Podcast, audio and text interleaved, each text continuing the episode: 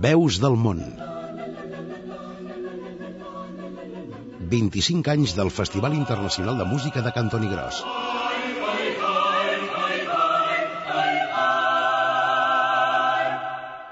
Amb Anna Jové i Albert Torrents. Benvinguts a Veus del Món. Amb la intenció de fer-vos passar una bona estona, us saludem a l'hora de començar una nova edició del nostre programa que us acompanyarà durant gairebé una hora amb la nostra selecció de la millor música coral a propòsit de la celebració del 25è aniversari del Festival Internacional de Música de Cantoni Gros. Us recordem que l'equip de Veus del Món està format per Eduard Arnàs al control tècnic i per Anna Jové i Albert Torrents a la redacció i davant dels micròfons i us fem saber que avui centrarem el nostre programa a explicar-vos l'aspecte competitiu del Festival Internacional de Música de Cantoni Gros.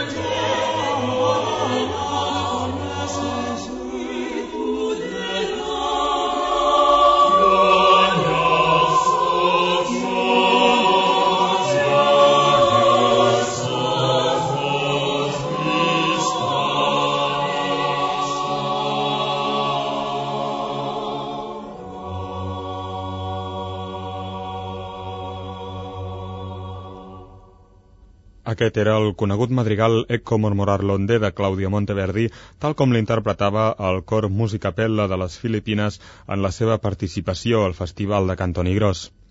El festival va néixer amb la intenció de germanar pobles distants d'arreu del món i de fomentar la coneixença entre cultures llunyanes i diverses.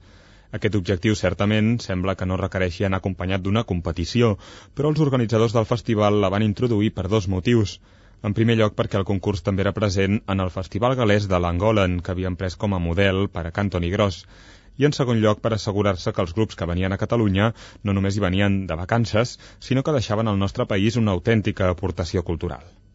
Per entendre millor aquest plantejament, al llarg del programa d'avui ens acompanyaran dos membres de l'organització actual del festival, un d'ells, Jordi Sobirà, hi ha estat present des dels inicis com encarregat de tasques de coordinació entre els membres dels diversos jurats. Anar eh, a Cantoni Gros amb un nivell totalment amateur de la gent que ve necessiten un, diria, unes compensacions no econòmiques però sí unes compensacions que ajudin a que els participants un cop siguin a casa seva doncs diguin, mira, ha valgut la pena d'anar. El concurs en si eh, sempre té una, una part una mica negativa que és la possibilitat de no guanyar i de sentir-te injustament qualificat. Aquest és la part negativa. Per això a mi m'agrada més que hi hagi emulació o competició més que concurs. Però bé, el, veig que la gent quan guanyen un premi queden molt satisfets. I a vegades estàs estàs d'acord amb el jurat, a vegades no però bueno, això també entra a formar part de, del joc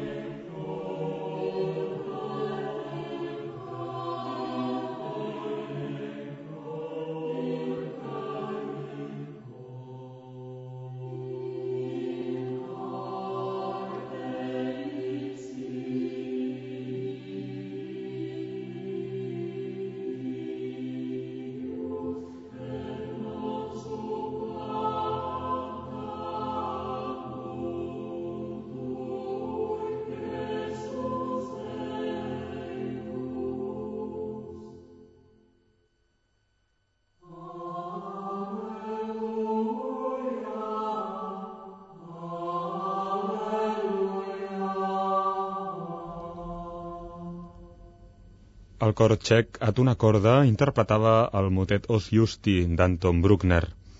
Després de les reflexions que apuntava Jordi Sobirà, els fundadors del Festival de Cantoni Gros van dissenyar-ne l'estructura pensant en cinc categories a les quals els cors o grups participants es podien inscriure en funció de les seves pròpies característiques. Aquest aspecte ens el podrà explicar millor Jordi Colomer, actual director artístic del Festival de Cantoni Gros i fill i successor en el càrrec del director artístic fundador Àngel Colomer. El festival s'ha repartit en cinc competicions, una és competició per cors mixtes de música culta, una altra és de cors femenins, també de música culta. Això normalment es fa el divendres, la primera competició al matí, la segona a la tarda. Després hi ha una competició eh, el dissabte que està repartida, és, la, és el dia que eh, es dedica a la música folclòrica, és a dir, al matí hi ha cors, cors mixtes, masculins o femenins, o, o també doncs, de, de nens eh, que participen en aquest concurs de música popular o tradicional. I després a la tarda hi ha la competició dels grups de danses. I el diumenge hi ha una competició especial que és la competició de cors infantils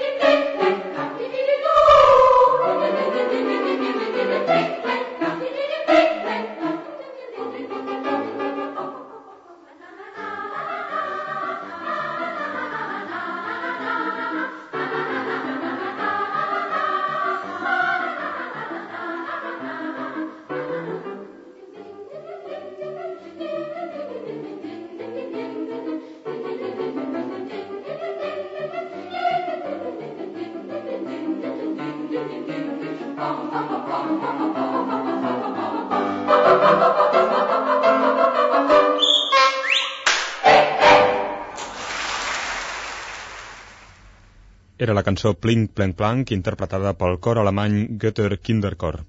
Però el Festival Internacional de Música de Cantoni Gros no és només un certamen de música coral. Hi ha una última categoria, de vegades oblidada o si més no relegada a l'últim lloc de la llista, potser amb motiu del menor nombre de participants. És la dansa.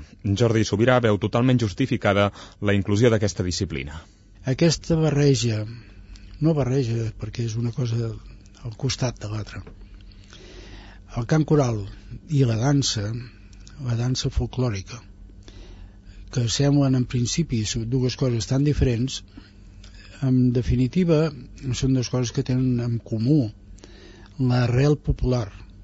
Tant l'arrel popular de la música com l'arrel popular de la dansa són el, el toc més important d'aquest festival. I en aquí hi ha una diríem la gràcia amagada d'aquest tipus de, de competició o d'activitat, perquè si no fos competició també passaria el mateix. Posant la dansa i el cant es, se supera un fet que a vegades és una mica comú. La gent que no estan avasats a sentir concerts, a vegades els fatiga una mica sentir eh, un parell d'hores eh, seguides de, de cant o d'altre tipus de, de, de música. Al moment que hi barreges la dansa i el cant, l'un fa més agradable a l'altre. O sigui que llavors veus que hi ha un complement que havent-hi la mateixa arrel de, de la cosa popular hi ha aquesta arribar més fàcilment a públics sobretot públics que no estan, eh, no estan iniciats o molt poc iniciats també Jordi Colomer comparteix aquesta opinió. Justament el fet de que mm, el festival aquest té aquesta doble vessant de música, diguem-ne, culta, per dir-ho d'alguna manera, i música folclòrica, justament lliga molt bé amb la idea aquesta de repartir el concepte de la música folclòrica amb cor i amb dansa perquè eh, la dansa doncs, té un, un color especial no?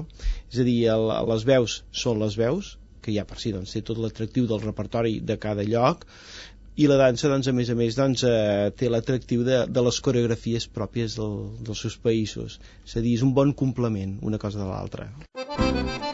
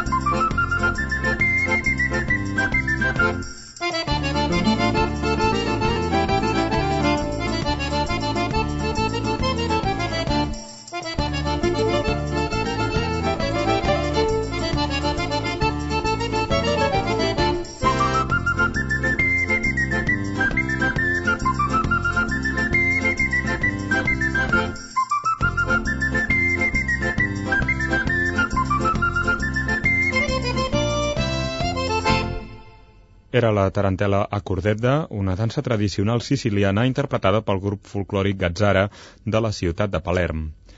Aquestes categories bàsiques s'han mantingut pràcticament invariables des dels inicis del festival.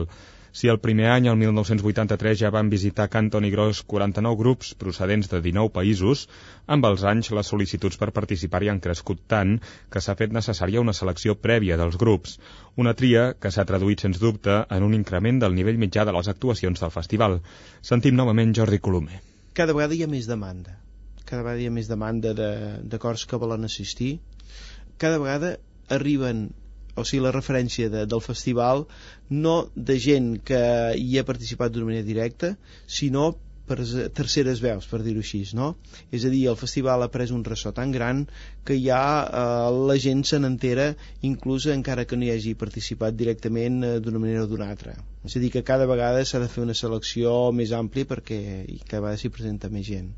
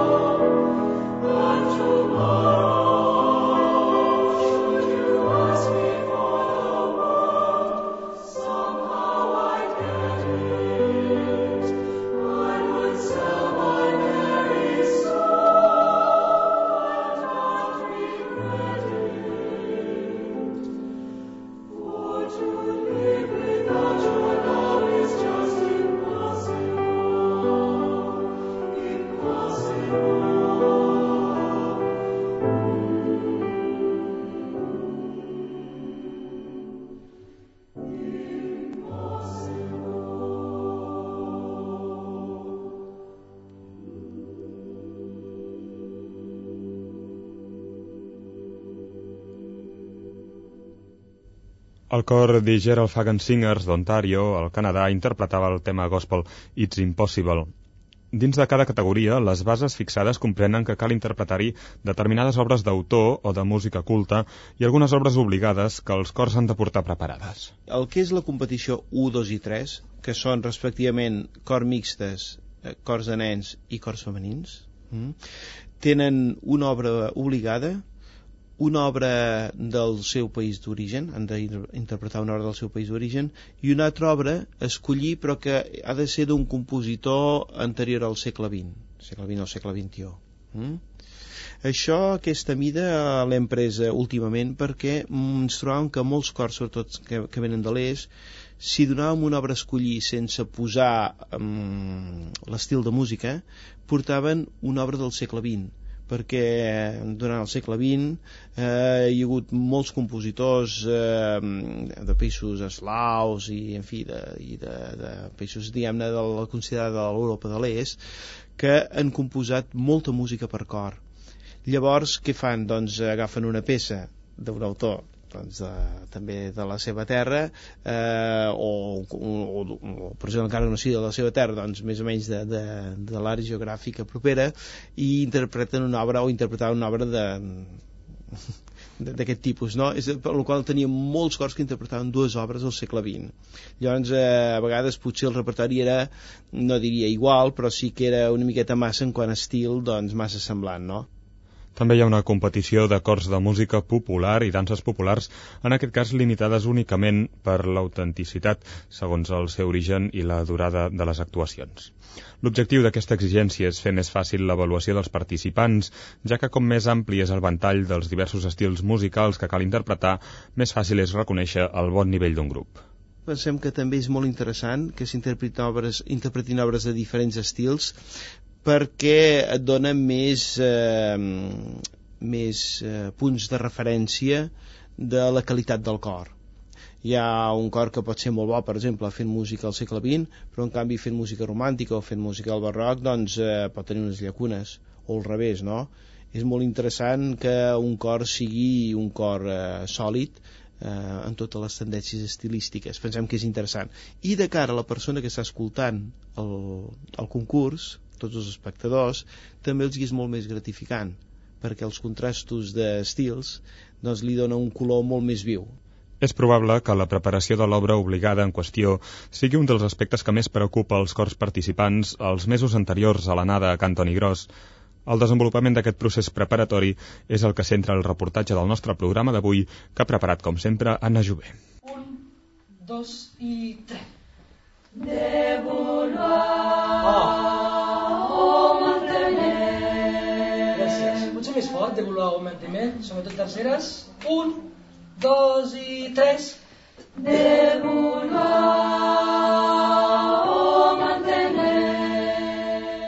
Així és com assagen les noies del Cor Cantabile de Barcelona. Repassen per primer cop la partitura de l'obra obligada per la competició de cors femenins del Festival d'enguany, Amurs, del compositor txec Miroslav Reichel. La practiquen amb esforç i sabent que encara els queda molta feina per endavant. Aquest any han decidit prendre part al Festival Internacional de Música de Cantoni Gros i volen estar a l'alçada del nivell artístic del certamen. Amb accent, 3 i... Gràcies, sense primeres. En Tomàs Rosado n'és el director. Ja fa temps que la idea d'inscriure el cor en aquest festival de música li rondava pel cap – per fi aquest any s'ha decidit. Doncs ens ho vam plantejar l'any passat d'anar-hi. Vam estar-ho tantejant i per qüestió de, de dates no vam poder mm, participar. I aquest any, com que ja teníem l'experiència de l'any passat de decidir que si ho fèiem o no i tal, la gent està més engrescada, algunes noies van pujar a veure el festival i bé, i ens hem posat a treballar. Vull dir que de fet, de fet haguéssim pogut anar-hi l'any passat i portem preparant això el, des de l'any passat. Ens van empènyer a participar. D'una banda, el fet de que no es presentessin molts cors catalans, no? que això sempre jo és una de les coses que més he denunciat. D'una altra banda, el fet de que, home, jo amb el cor de noies em veig amb cor de treballar de valent per un projecte com el de Cantoni Gros. Tot plegat ha estat una suma de condicions les que ens han fet decidir que aquest any participéssim. Això són amb paciència i perseverància, cada dimarts les noies del Cor Cantabile es reuneixen a la sala d'assaig que tenen al barri de Gràcia. Tenen clar que volen fer un bon paper damunt de l'escenari el proper dia 20 de juliol. Amb temps i amb il·lusió i amb ganes crec que podem fer un bon paper. Per mi el premi és poder participar, i per elles també. Si fem un bon paper i com a cor català, no sé si n'hi ha algun altre, estem doncs, eh, molt ben eh, eh, situats, doncs ja estem ben pagats. I això és el que nosaltres pretenem, fer una bona feina, passar-nos-ho bé, això sobretot, i tenir la satisfacció de que ha valgut la pena pujar a Cantoni Gros. Res més que això, aquest és el nostre premi. Vull dir que jo ja em conformo amb, amb aconseguir aquesta fita, francament. El nivell és molt alt, mm, nosaltres intentarem doncs, contagiar-nos de tot el que puguem dels altres cors. Avui ha estat el primer assaig i bueno, jo sé que hi ha molta feina, ells estaven molt tensos, jo també he estat molt tens, però bueno, escolta'm, també això és un repte. Fora, ja hem perdut la màgia. Sí, arre, sí. D'acord?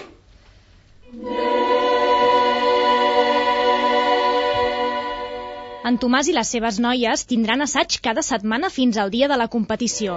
Serà un treball constant i molt dur, el mateix que farà la resta de cors i grups de dansa procedents de diversos països del món.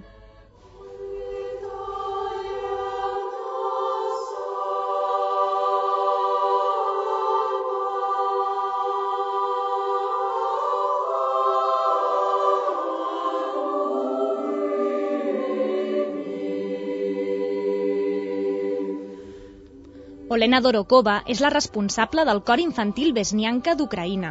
El grup va voler participar a l'edició passada del festival, però el comitè artístic no els va seleccionar. Tot i així, el cor no es va donar per vençut. Va seguir assajant, van registrar una nova maqueta i al mes de setembre es va inscriure per participar a la 25a edició. El veredicte d'aquest any ha estat molt positiu i han aconseguit el que desitjaven. Eso, eso nos gusta de verdad, que el comité sea exigente, porque eso significa que de verdad la competición es, verdadera, es real y nos gusta competir con uh, los coros de un nivel uh, muy elevado. Claro que era una alegría que, que todo el mundo soñaba de este festival, de ir a España ya, ya dos años que estamos pensando en eso y ya, claro, y creemos que vamos a ganar.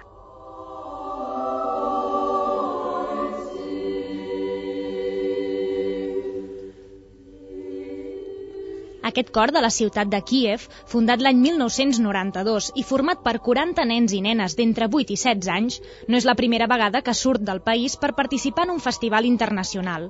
L'experiència els ha servit per saber que viatjar fora d'Ucraïna amb un grup nombrós de nens i nenes no és gens fàcil. És per això que ja han començat a preparar el viatge fins a Cantoni Gros. Tendremos que ir a embajada, preparar un montón de papeles, también el papeleo en Ucrania, porque tenemos que en, encontrar el permiso de nuestro gobierno para todos los niños que van a viajar. Será un trozo de trabajo para hacer. Del nivel diplomático nunca teníamos problemas, porque siempre todas las embajadas eh, lo van muy bien, la participación en los festivales como este, pero bueno, lo económico sí, este es problema, porque como saben, en Ucrania no es un país bastante, que, que las familias no tienen bastante dinero. Vamos a ir en autocar, serán unos tres días de viaje.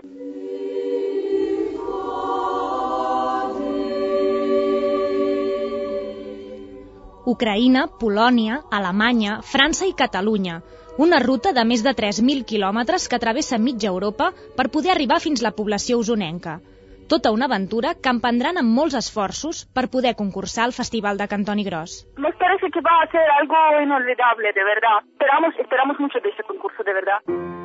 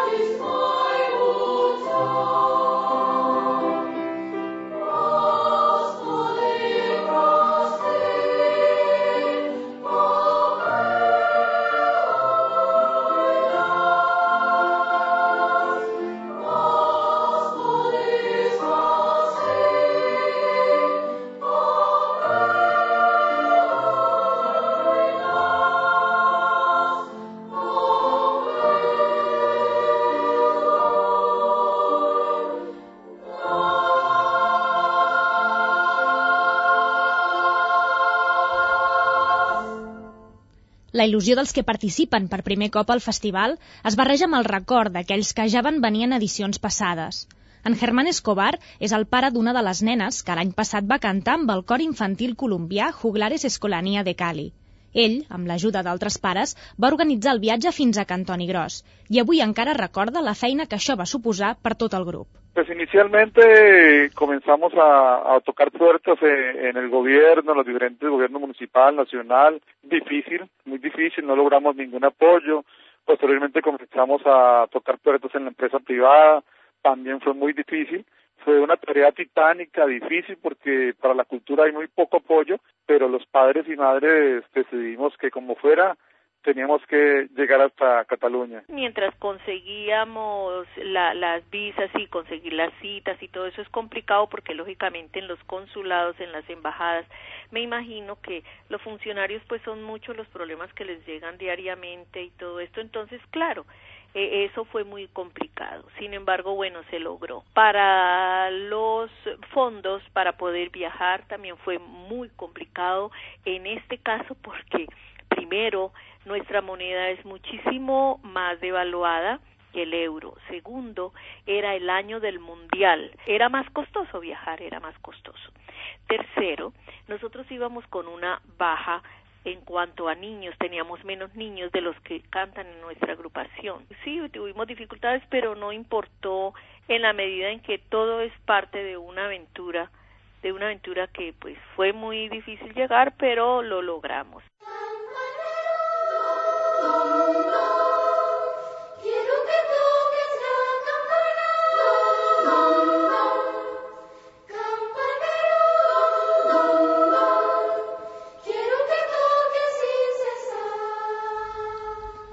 Els problemes que remarca Fiorella Goeta, directora de la Coral de Cali, no són exclusius d'aquest grup colombià que va aconseguir finalment participar al festival de l'any passat. Moltes agrupacions culturals amateurs, ja siguin de dansa o corals, es troben en la mateixa situació quan decideixen prendre part en certàmens internacionals fora del seu país. Per això, després de tot un any d'esforços, aconseguir arribar fins on es volia es converteix en un autèntic miracle. Y cuando llegamos directamente allá a Cantonegros, la gente, la calidad de sus personas, la amistad con nosotros fue único, único. El intercambio de, culturas, el intercambio de músicas, intercambiando partituras, intercambiando amistades, intercambiando detalles entre uno y otro grupo, fue la experiencia más gratificante para nuestros chicos y chicas. Todavía, yo me pongo, me erizo la piel todavía contando esto, que es el encuentro de culturas y músicas del mundo además del encuentro con, con una cultura muy hermosa que es la cultura de Cataluña. Nosotros todos tuvimos una, un sentimiento muy positivo uh, a la estancia en Cantonigros porque la recepción eh, de parte de los organizadores uh, fue perfecta y diría muy cordial. A nosotros nos gustó muchísimo el ambiente en el festival, el recinto las montañas y el paisaje alrededor y también eh, la recepción de la gente que nos hospedó en sus casas durante la estancia nuestra en el festival.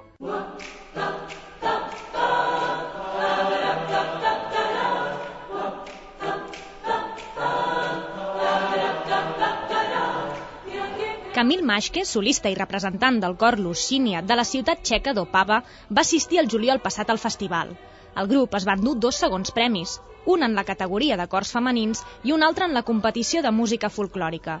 Però, malgrat els guardons, el que més recorden és l'experiència d'haver conviscut durant uns dies a casa de famílies catalanes. Muy positiva, muy positiva. Solo una cuarta parte de los, de los coristas uh, habla español, por eso los demás tenían un poco miedo de problemas de comunicarse con con los dueños, de, eh, con las familias, pero eh, yo siempre estuve preparado a ayudarles por el móvil y muchas familias hablaban inglés también y en el principio o desde el principio la recepción fue muy cordial y les gustó muchísimo a los, a los coristas.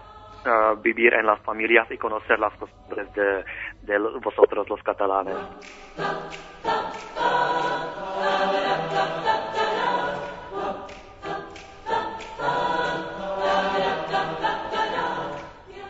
l'elevat nivell artístic dels cors i grups de dansa amateurs que participen al festival i la humanitat i convivència entre cultures i pobles d'arreu del món fa que Cantoni Gros sigui un certamen únic al país.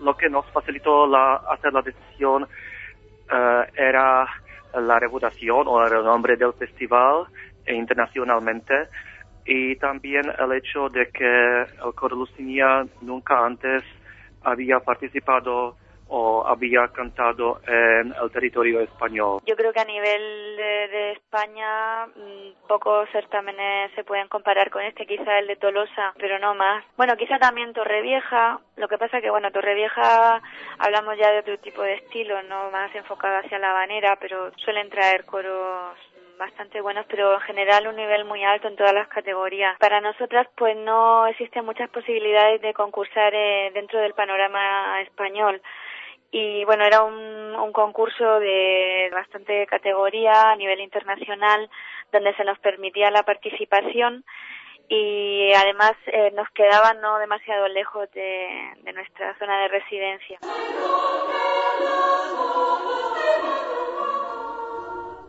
Bernadette Kühne és la directora del cor murcià Cholo Voces Blanques de Molina de Segura. La seva relació amb Cantoni Gros va començar fa molt temps, quan sent cantaire del cor ja va participar al festival.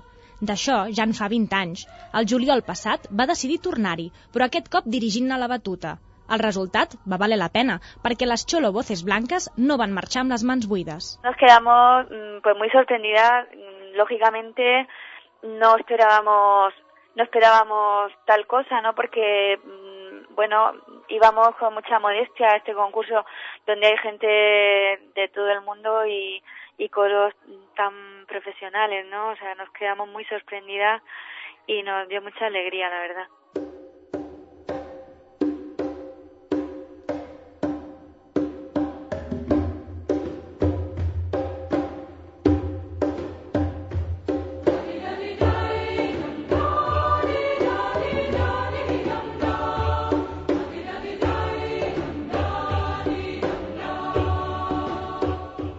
Diuen que tot el que és important no és fàcil. Tant els juglares de Colòmbia com els Lucínia de Txèquia o les Cholo Voces Blanques de Múrcia ho van poder comprovar l'any passat a Cantoni Gros. Van estar mesos i mesos assajant les obres obligades. Van passar-se molts dies organitzant els preparatius per poder arribar al festival i van compartir il·lusions i fracassos amb tots aquells que els van ajudar en el seu periple.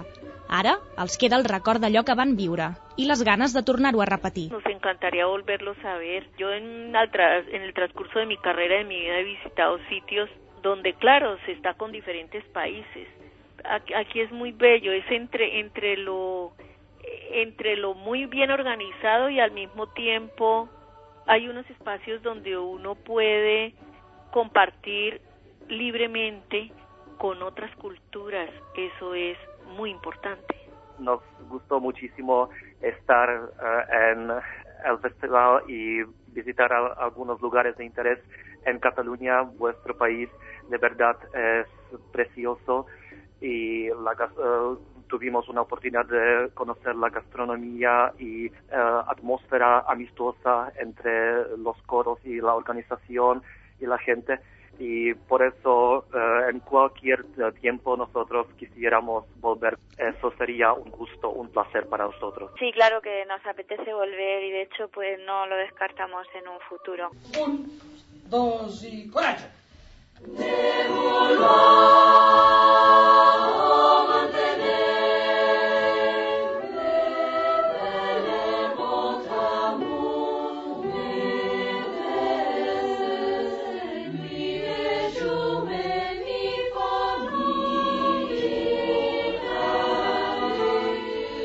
Però mentre ells ja van tenir l'oportunitat de viure el Festival de Cantoni Gros, uns altres esperen amb moltes ganes poder participar de la mateixa experiència. Aquest és el cas de les noies del cor Cantabile, que segueixen assajant setmana rere setmana amb la il·lusió de prendre part d'un certamen que de ben segur no els deixarà indiferents. passos,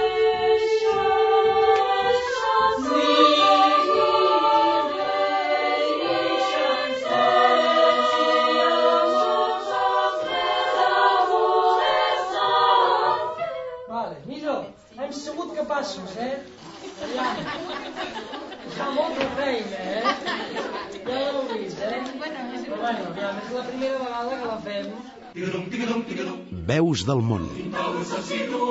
Un programa de Catalunya Música per celebrar el 25è aniversari del Festival Internacional de Música de Cantoni Gros.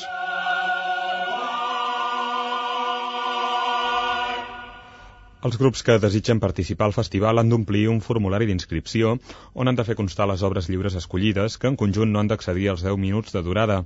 La sol·licitud també ha d'anar acompanyada d'un breu historial del grup i un enregistrament recent. Els aspirants han de ser totalment amateurs, excepte el director i els possibles acompanyants instrumentals. Els cors mixtos i els infantils no poden ser més grans de 40 veus, mentre que els cors femenins i els grups de dansa tenen com a xifra límit els 36 i 35 components, respectivament. Un cop realitzada una revisió i selecció de les inscripcions, el comitè organitzador comunica l'acceptació als grups escollits, que llavors poden començar els tràmits per organitzar el viatge. Que poco tiempo yo tengo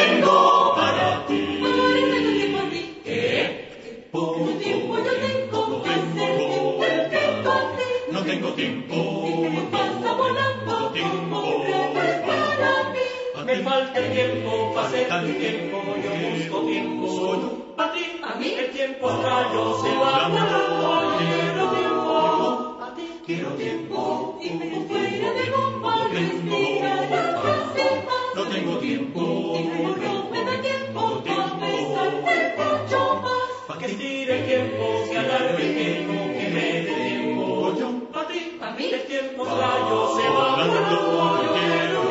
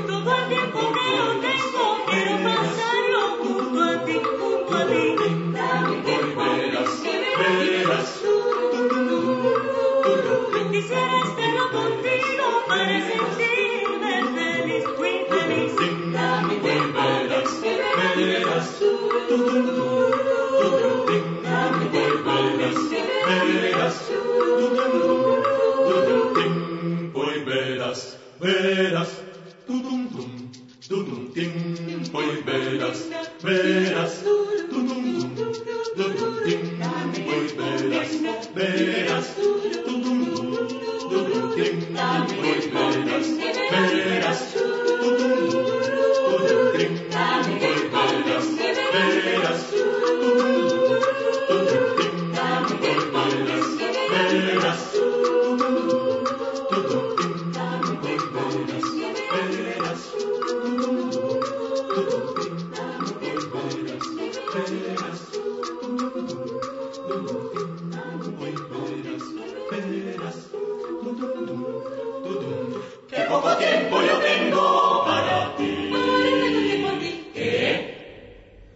Tiempo para un tiempo era el títol d'aquesta cançó que acabem de sentir en les veus del cor introito de Cienfuegos a l'illa de Cuba.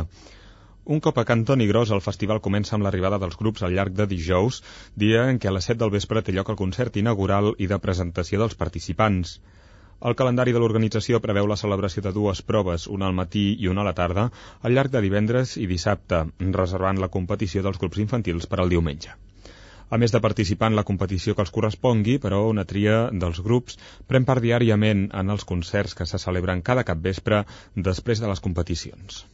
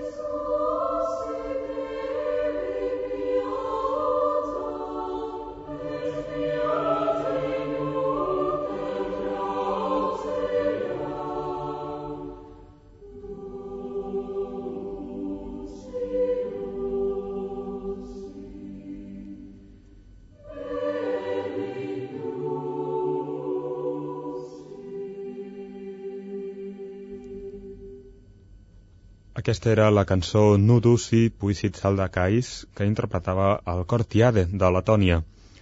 Després de la participació en la competició i la deliberació del jurat, els tres primers classificats en cada categoria s'emporten premis a metàl·lic que poden arribar a ser de fins a 1.000 euros en el cas del primer guanyador de la competició de música culta per cors mixtos. En conjunt, els últims anys els premis a metàl·lic han arribat a ascendir fins a gairebé 7.000 euros. També es concedeixen trofeus que duen el nom de l'administració, el patrocinador o l'entitat que els ofereix. Veus del món. Un programa de Catalunya Música per celebrar el 25è aniversari del Festival Internacional de Música de Cantoni Gros.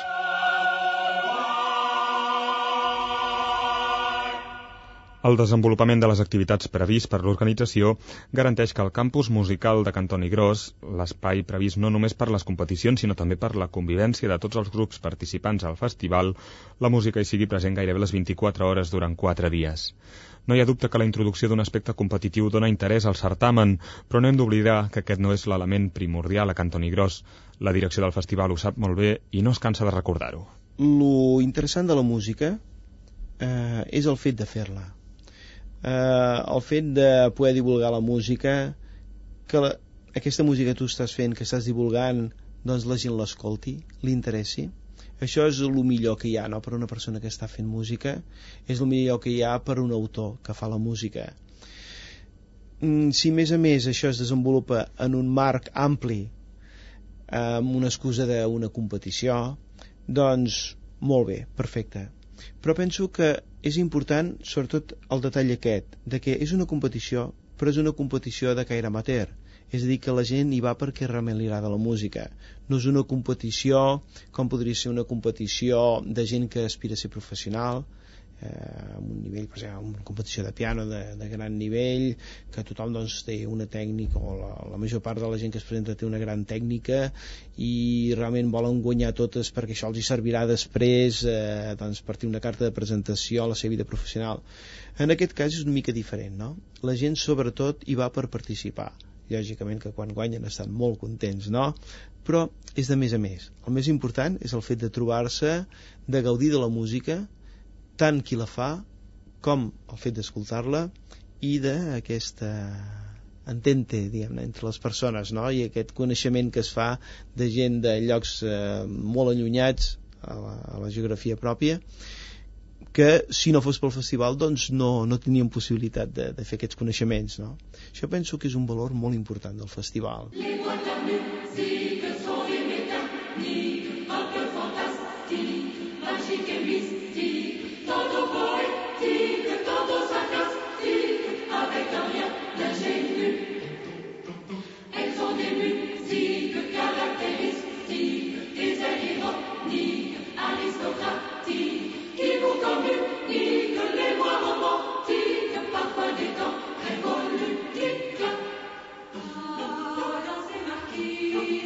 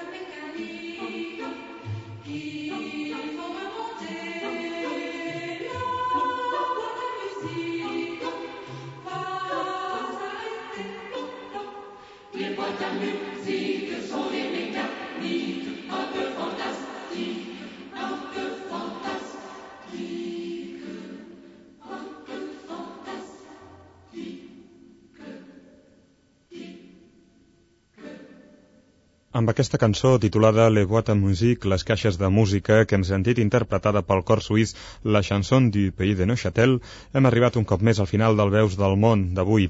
Esperem, com sempre, que hagueu gaudit de la selecció musical que us ha acompanyat al llarg d'aquest programa, un espai que fem possible. Us ho recordem Eduard Arnàs, al control tècnic, i Anna Jové i Albert Torrents des dels micròfons. Salutacions de tots nosaltres i no cal dir que esperem retrobar-vos en una nova edició de Veus del Món. Fins llavors. Veus del món. 25 anys del Festival Internacional de Música de Cantoni Gros.